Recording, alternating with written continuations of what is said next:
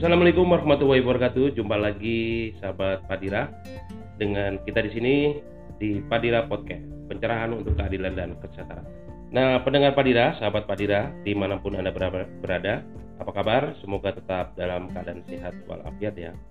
Nah, pembicaraan terkait bisnis PCR sampai sekarang ini masih berlanjut. Nah, pejabat yang terduga terlibat pada akhirnya tidak memungkiri keterlibatannya dalam pengaturan bisnis pengadaan tes PCR oh ternyata ada pengakuan ya pada akhirnya iya ada pengakuan jadi yang mereka tolak adalah tuduhan bahwa mereka telah mengambil untung dari bisnis tersebut.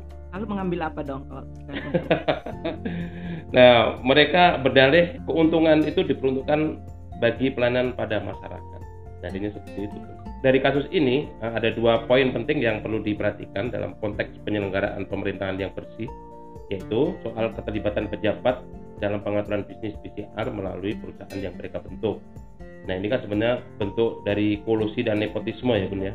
Betul. Kemudian dan dugaan potensi kerugian negara dan rakyat dengan adanya harga PCR yang sempat tinggi ya jutaan rupiah. Nah dan semua itu perlu diungkap melalui proses audit maupun pemeriksaan oleh KPK maupun lembaga terkait lain.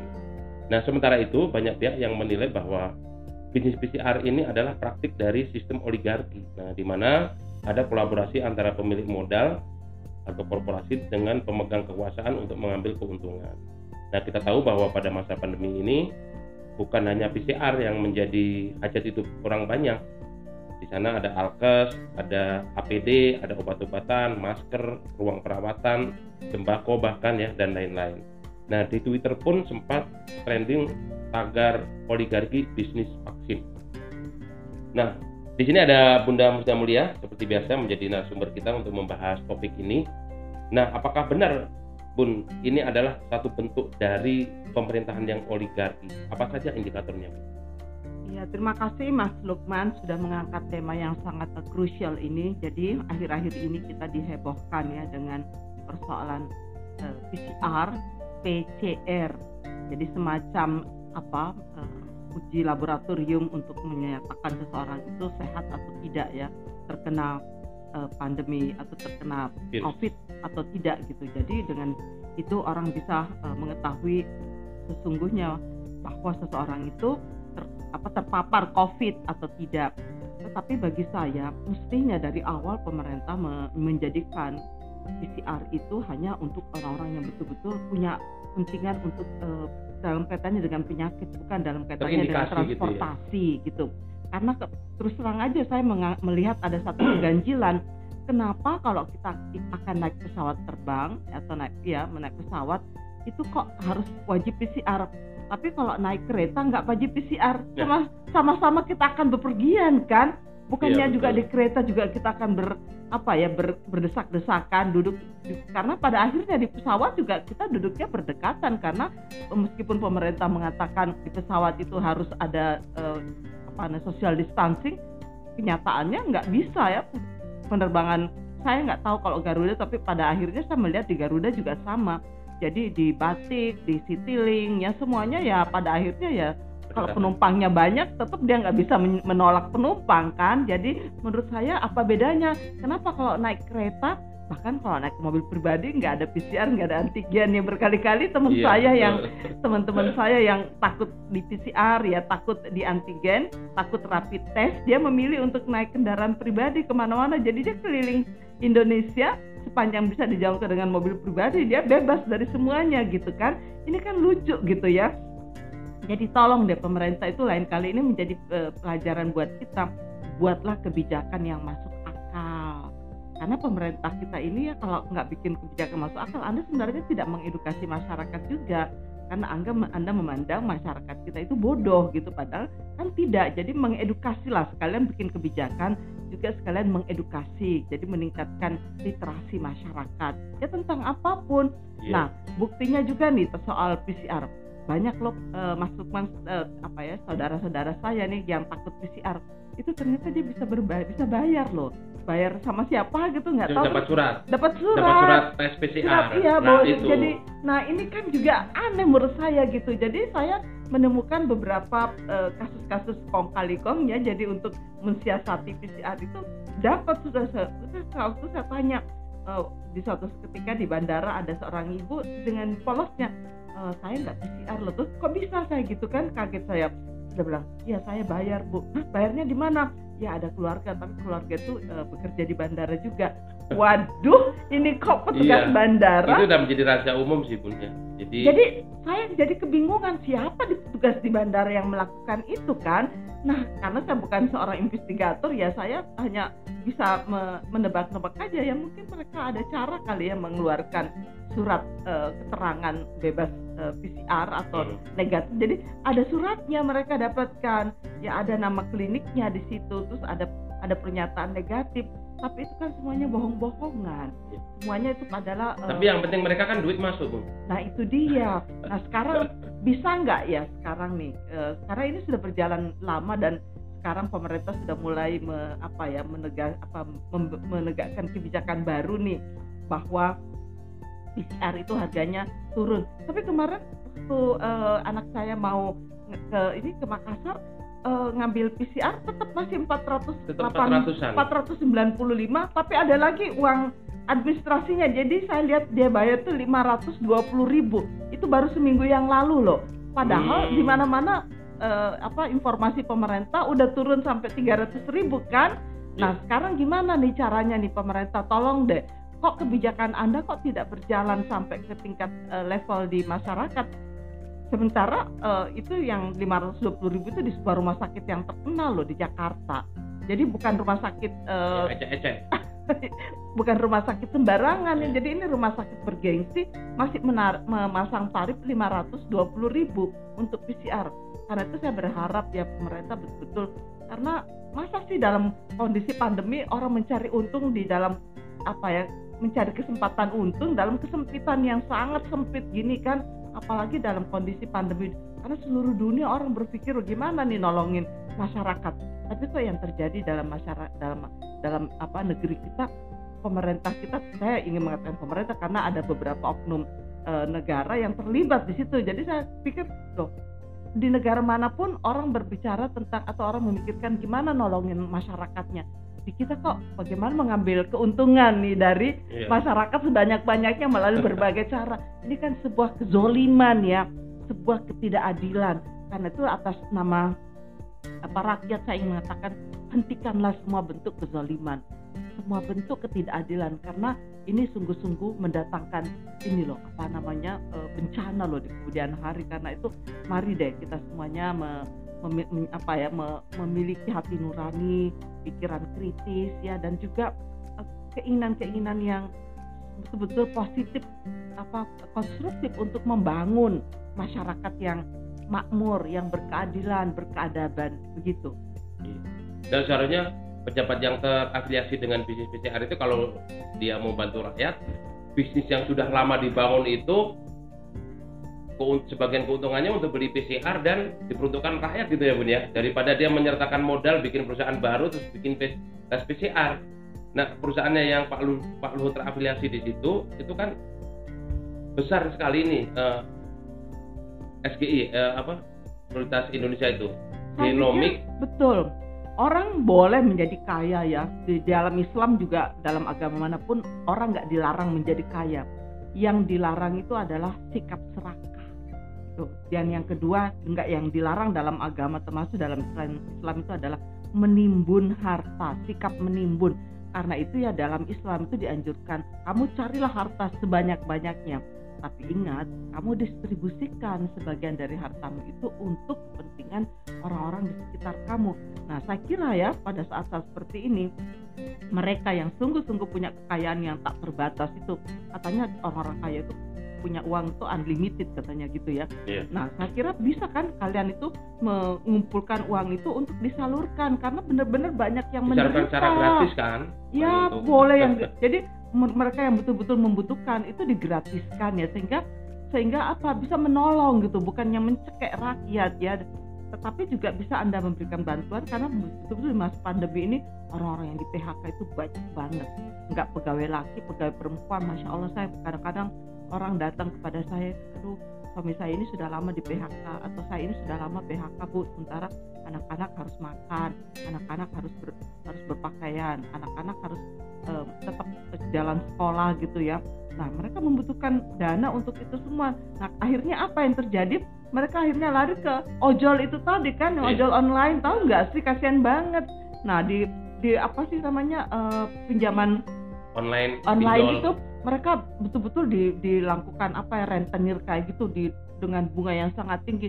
Saya kadang-kadang berpikir negara kita ada di mana ya selama pandemi gini. Karena kasus-kasus eh, apa ya eh, kekerasan melalui ojol itu membuktikan bahwa anda kata ada tempat koperasi di kenapa sih orang nggak membentuk koperasi seperti yang diamanahkan oleh para founding, founding fathers and mothers kita para pendiri bangsa kita koperasi yang betul-betul memberikan manfaat sebesar-besarnya kepada masyarakat. Ini loh yang selalu digaungkan oleh uh, Pak Hatta ya se- dan dan lain-lainnya para para pemimpin-pemimpin kita yang sangat bijak itu bahwa penting sekali ada koperasi di mana di koperasi itu orang-orang miskin itu tertolong tidak uh, apa tidak terjerat oleh uh, apa namanya kaum apa sih istilahnya kalau itu kalau uh, orang-orang yang meminjamkan dengan bunga tinggi kaum rentenir dan lintah darat. Lintah darat begitu kak. Jangan pakai lintah. Lintah darat nggak sejahat itu loh. Yang namanya lintah itu eh, apa saya sudah pernah lihat lintah kalau dia udah kenyang berhenti dia makan. Kalau lintah darat enggak boleh. kalau lintah darat terus. Kalau lintah beneran. Ya jangan pakai nama binatang. Ternyata bina- binatang itu tidak sejahat yang oh kita tidak bahas. jahat ya iya betul. manusia itu lebih jahat dari binatang karena itu suka pakai suka sedih aja kalau orang mengatakan kambing hitam. Loh kambing hitam tuh baik-baik aja kok iya enggak kambing hitamnya baik-baik ya aja. buaya boleh boleh darat boleh. itu kan. Jadi jangan deh jadi jangan pakai nama-nama binatangnya. Jadi saya pikir kasihan juga sih binatangnya. Karena binatangnya nggak sejahat yang kita bayangkan. Iya, manusia betul. itu punya kejahatan bermanfaat ya. nggak ada batasnya kejahatan Iya. manusia itu. Karena itu saya pikir ya kenapa ya kita ini tidak ingin karena kalau kalian punya harta banyak harta itu kan nggak akan kalian bawa pulang. Gimana kalian memanfaatkan semaksimal mungkin seoptimal mungkin untuk kepentingan orang banyak gitu kan karena tapi kalau mungkin mungkin karena kita nggak punya harta banyak kita berpikiran kayak gini kali ya semoga aja tapi Tuhan pun eh, ini bahwa bisnis PCR ini kan menjadi salah satu indikasi bahwa oligarki di Indonesia ada dan Nah. sedang berlaku. Kira-kira sebenarnya sejauh mana dan sejak kapan sih sistem oligarki di Indonesia ini yang mencekek rakyat begini?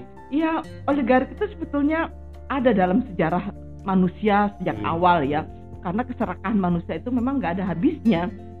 Jadi eh, apa? eh, Gandhi pernah mengatakan sebetulnya bumi ini cukup untuk semua manusia ya. Tetapi bumi ini nggak cukup untuk satu orang yang serakah gitu. Hmm. Nah, karena itu keserakahan itu menjadi musuh dalam semua agama, dalam semua kepercayaan. Semua ajaran agama itu mengajarkan kita untuk bagaimana mengontrol emosi, bagaimana mengontrol hasrat, bagaimana mengontrol eh, kehendak yang membawa kita kepada kehidupan yang serakah itu loh. Pada pada akhirnya ajaran agama itu seperti itu. Nah, saya melihat dalam konteks Indonesia, oligarki itu sudah ada sejak sejak awal. Tapi pada masa-masa awal, para oligarki itu punya pikiran untuk apa ya membangun Indonesia. Karena kalau saya melihat Ya belum Eh, ada keserakahan. Iya, belum ada keserakahan, tapi setelah Orde Baru ini mulai terlihat di masa Orde Baru ini kelihatan betul ya para penguasa dan para pengusaha itu berkomplot. Jadi kalau sudah berkomplot nih ber apa ya perselingkuhan antara penguasa dan pengusaha itu adalah sebuah kejahatan yang ter- terjahat menurut saya karena uang ada sama dia, kekuasaan ada sama dia. Nah, saya melihat ya berbagai macam bentuk perselingkuhan penguasa dan pe- pengusaha ini dalam bentuk apa? Penguasaan hutan-hutan, termasuk hutan-hutan lindung kita itu udah pada hancur ya. Karena apa? Karena em, pemerintah setempat itu memberikan konsesi, memberikan apa izin kepada para investor atau para pengusaha untuk menggarap, termasuk digarap tuh hutan-hutan lindung. Bahkan dalam beberapa kasus saya mempelajari kasus-kasus yang terjadi di Lampung, di Bima, ini pemerintah ini memberikan eh, tanah-tanah rakyat ya untuk Hmm. digarap investor. Jadi rakyatnya kan ngamuk, ya. ngamuk gitu kan. Jadi saya pikir, aduh gimana ya? Kalaupun eh, apa ya eh, pengusaha itu mau menggarap tanah-tanah eh, apa tanah-tanah negara itu dengan dengan catatan yang sangat-sangat jelas bahwa seluruh kepentingan itu kembali kepada kepentingan rakyat, bukan kepentingan penguasa yang memberikan izin. Karena karena penguasa itu bukan pemiliknya dia, dia sebetulnya orang yang diberikan amanah oleh rakyat untuk menjaga wilayah itu. Tapi alih-alih dia menjaga, menjaga kelestariannya misalnya hutan atau itu berupa berupa laut supaya tidak tercemar eh malah dia kok merongrong atau merusak jadi sebetulnya orang-orang yang diberikan amanah ya diberikan amanah dalam bentuk jabatan dalam bentuk eh, apa ya kekuasaan lalu meng, apa mengkhianati amanah tersebut itu adalah adalah sebuah kezoliman yang sangat sangat nyata. Karena itu oligarki menurut saya ini harus menjadi eh, apa menjadi gerakan sosial Mas Lukman. Nggak bisa kita hanya ngomongin begini saja. Bagaimana kita membangkitkan semangat masyarakat tetapi dari masyarakat dari seluruh unsurnya. Ya pemuka agama. Bagaimana bisa nggak sih pemuka agama nih ya kalau berdakwah di masjid berdakwah di gereja berdakwah di vihara berdakwah di sinagog pada ngomongin hai kalian ya para pemuka apa para penguasa. Jangan kalian para penguasa dan pengusaha ini berselingkuh. Jadi para pengusaha silakan melakukan uh, apa usahanya. Ya, tapi pemerintah ini menjaga secara ketat. Ada nggak apa ya uh, apa namanya eh, aksi-aksi uh, yang merusak lingkungan? Ada nggak aksi-aksi yang Nah, uh, kalau penguasanya sendiri sebagai pengusaha Nah, itu yang yang kacau balau ya karena menurut saya kalau dia menjadi penguasa, dia harus berhenti jadi berhenti pengusaha. berhenti cari uang ya, okay. berhenti berusaha. Jadi karena supaya kamu tidak mengalami apa konflik interest dalam diri kamu kan. Jadi bagaimana caranya ya? Ada caranya. Kamu tinggalkan semua bisnis kamu, kamu kelola negara yang kamu kelola sekarang adalah negara dan jangan sama sekali kamu terlibat dalam usaha apa pun untuk kepentingan apa pun sepenuhnya hidup kamu karena karena kamu sudah disumpah jabatan nih. Ya Mas Lukman. Jadi kamu sudah disumpah untuk menjadi bupati disumpah untuk menjadi uh, gubernur disumpah untuk menjadi menteri. Maka seluruh hidupmu itu kamu abdikan untuk tugas-tugasmu sebagai uh, apa sebagai uh, menteri atau sebagai yeah. apa pun sesuai dengan sumpah jabatan itu jangan kamu gunakan kesempatan itu sedikit pun untuk alasan apa pun untuk memperkaya dirimu atau memperkaya partaimu atau memperkaya kelompokmu tetapi iya. berpikirlah untuk perlu ada satu regulasi nggak bu untuk membatasi itu? Sekarang ini kan mereka undang-undang bener... monopoli penting. Ah, okay. tapi beberapa undang-undang kita sebenarnya sudah ada ya. Memang beberapa harus ditambah. Nah undang-undang monopoli ini untuk membatasi bukan membatasi kekayaan seseorang undang-undang anti monopoli ya? undang-undang monopoli itu untuk membatasi kamu boleh melakukan ini tapi kamu harus tetap menjaga keuntungannya itu untuk siapa kira-kira begitu karena kita nggak punya nggak boleh ada undang-undang yang membatasi harta seseorang boleh aja kamu punya harta sebanyak mungkin tetapi pastikan bahwa usahamu itu tidak melakukan pelanggaran ya terhadap lingkungan tidak melakukan pelanggaran terhadap kebijakan-kebijakan yang lain dan juga tidak menabrak uh, uh, apa perundang-undangan yang lain begitu. Iya. Karena itu penting sekali undang-undang monopoli ini dan saya pikir juga bukan sekedar undang-undang monopoli mungkin juga ada semacamnya kode etik yang buat para pejabat bahwa ketika kamu menjabat kamu nggak boleh satu dua tiga sehingga konkret nah, gitu loh. betul. jadi apa yang nggak boleh? Misalnya ketika dia menjabat dia nggak boleh me, me, apa ya mengajukan anaknya jadi calon apa gitu ya selamat. Mesti ada undang-undang kayak begitu. Bukannya melanggar ham. Kan banyak orang mengatakan tapi dulu kan pernah ada undang-undang nomor 28 tahun 2, eh, 299 ya itu tentang penyelenggaraan negara yang bebas dari KKN dari KKN. Terus kemudian diubah menjadi undang-undang korupsi yang nomor 30 itu. Ya, tapi belum disebutkan secara konkret bahwa kalau selama kalau, kamu menjabat kamu harus melepaskan semua. Kamu tidak boleh menggunakan atau kamu tidak boleh mengusulkan keluargamu, istrimu, anakmu ya uh, atau siapa pun ya uh, selama kamu menjabat kira-kira seperti itu karena terus terang saja kalau kita melihat contoh dalam Islam itu kan ada contoh yang sangat uh, konkret sekali ya dari Khalifah Umar bin Khattab ya. Jadi waktu dia menjabat sebagai khalifah uh, biasalah banyak penjilat nih Mas Lukman. Jadi kalau kita tuh menjabat jangan jangan di jangan salah sangka ya. Bukannya kamu lalu tiba-tiba banyak orang yang senang sama kamu itu itu sesuatu yang uh, harus diwaspadai ya. Kalau kita menjabat apa pun ya pengalaman saya nih Nah, begitu saya menjabat, waduh, orang tuh lalu pada datang semuanya. Nah, para penjilat itu datang ke Khalifah Umar bin Khattab, ya, ya, ya apa nah, ya uh, Amir Mukminin ya, panggilannya kayaknya Amirul Mukminin. Uh, uh, anak anda itu sudah sangat pantas menjadi gubernur di Mesir. Alasannya gini-gini, alasannya dibuat-buat gitu. Tetapi Khalifah Umar kan bukan orang yang mudah uh, tergoda kan, orang yang sangat uh, concern pada keadilannya, sangat dikenal orang yang sangat bijaksana, orang yang sangat adil. Nah, kata Khalifah Umar bin Khattab, dia bilang begini, selama saya hidup, dia nggak bilang selama saya jadi khalifah. Selama saya hidup jangan pernah ada di antara keluarga saya yang men, yang menjabat apa pun. Karena itu akan akan akan menimbulkan konflik interest bagi saya. Bisa nggak para pejabat mengatakan seperti itu? Kayaknya susah ya. Karena itu iya, iya. karena itu ya buat saya ya mari kita membangun sebuah tradisi ya dalam kehidupan berbangsa dan bernegara kita untuk membersihkan diri uh, kita dari berbagai bentuk KKN. Bukannya KKN KKN itu kan korupsi, kolusi, kolusi, nepotisme, nepotisme kan. Jadi karena kalau kita memberikan atau uh, mengusung salah seorang anak kita menjadi kandidat apa pun itu kan nanti akan terjadi KKN seperti itu kan bukannya dulu kita menghancurkan orde baru karena kita benci KKN. KKN. Nah sekarang merebak KKN. Nah sekarang malah kita membangun KKN lagi kan jadi apa kita mau dihancurkan lagi? Karena itu saya pikir kapan bangsa ini akan belajar gitu kan? Mari deh kita semua sebagai bangsa apakah sebagai penguasa sebagai pengusaha sebagai masyarakat sipil mari kita sama-sama belajar menjadikan bangsa ini menjadi bangsa yang lebih berkeadaban. Apa yang kita lakukan? Menegakkan nilai-nilai Pancasila. Karena itu saya sedih loh Mas Lukman kenapa ya Pancasila itu sebuah, sebuah ideologi yang isinya itu nilai-nilai yang sangat-sangat luhur ya di diwaris kita wariskan dari para uh, the founding fathers and mothers kita.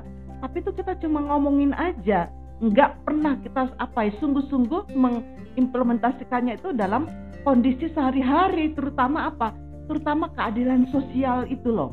Jadi yeah. kita cuma ngomongin aja keadilan sosial bagi seluruh rakyat Indonesia. Tapi nggak beradab ya? Nyatanya, nyatanya keadilan itu cuma untuk kepentingan orang-orang tertentu, iya. tidak buat seluruh masyarakat kita. Artinya apa? Di mana-mana dalam kehidupan berbangsa dan bernegara kita terjadi apa? Proses-proses diskriminasi, ya proses-proses uh, apa uh, eksploitasi, proses-proses kekerasan. Dan dan ini dilakukan terhadap masyarakat banyak yang mereka itu umumnya miskin, tak ter, tidak terpelajar. Mereka itu ya orang-orang yang tak berdaya. Karena itu kita benar-benar telah zolim loh kepada warga negara sendiri. Karena itu saya pikir kapan kita akan menjadi negara yang maju yang dalam Islam itu dikatakan balda toyibah warobun bafur negara yang betul-betul diridhoi oleh Allah Subhanahu Wa Taala. Kalau para penguasa dan para pengusaha itu tidak punya pikiran yang jernih untuk memberdayakan masyarakat, terutama masyarakat yang mayoritas yang masih berada di bawah garis kemiskinan. Jadi ternyata efek dari praktek oligarki itu sangat dalam di kehidupan masyarakat, sahabat Padira. Jadi kita sekali lagi kita ngomong oligarki ini tidak akan berhenti. Kita ngomong soal oligarki. Dan di lain kesempatan kita akan ngomong oligarki lebih tajam lagi bagaimana mengikis oligarki di Indonesia sehingga Indonesia bebas dari oligarki. Di next episode begitu ya Bun ya. Kita ya. teruskan bagaimana cara mengikis oligarki di Indonesia. Ya pokoknya kita nggak akan bosan deh ngomongin oligarki, oligarki. sampai masyarakat kita ini eh, sadar. teredukasi iya. dan para pemimpin kita sadar bahwa ini sesuatu yang harus dihilangkan ya dalam uh, kehidupan berbangsa dan bernegara kita. Oke. Itu saja pembicaraan tentang oligarki pada kali ini sahabat Padira. Semoga kita semua dalam keadaan sehat walafiat dan tetap jaga kesehatan dan protokol kesehatan. Wassalamualaikum warahmatullahi wabarakatuh. Salam Padira. Pencerahan untuk keadilan dan kesetaraan.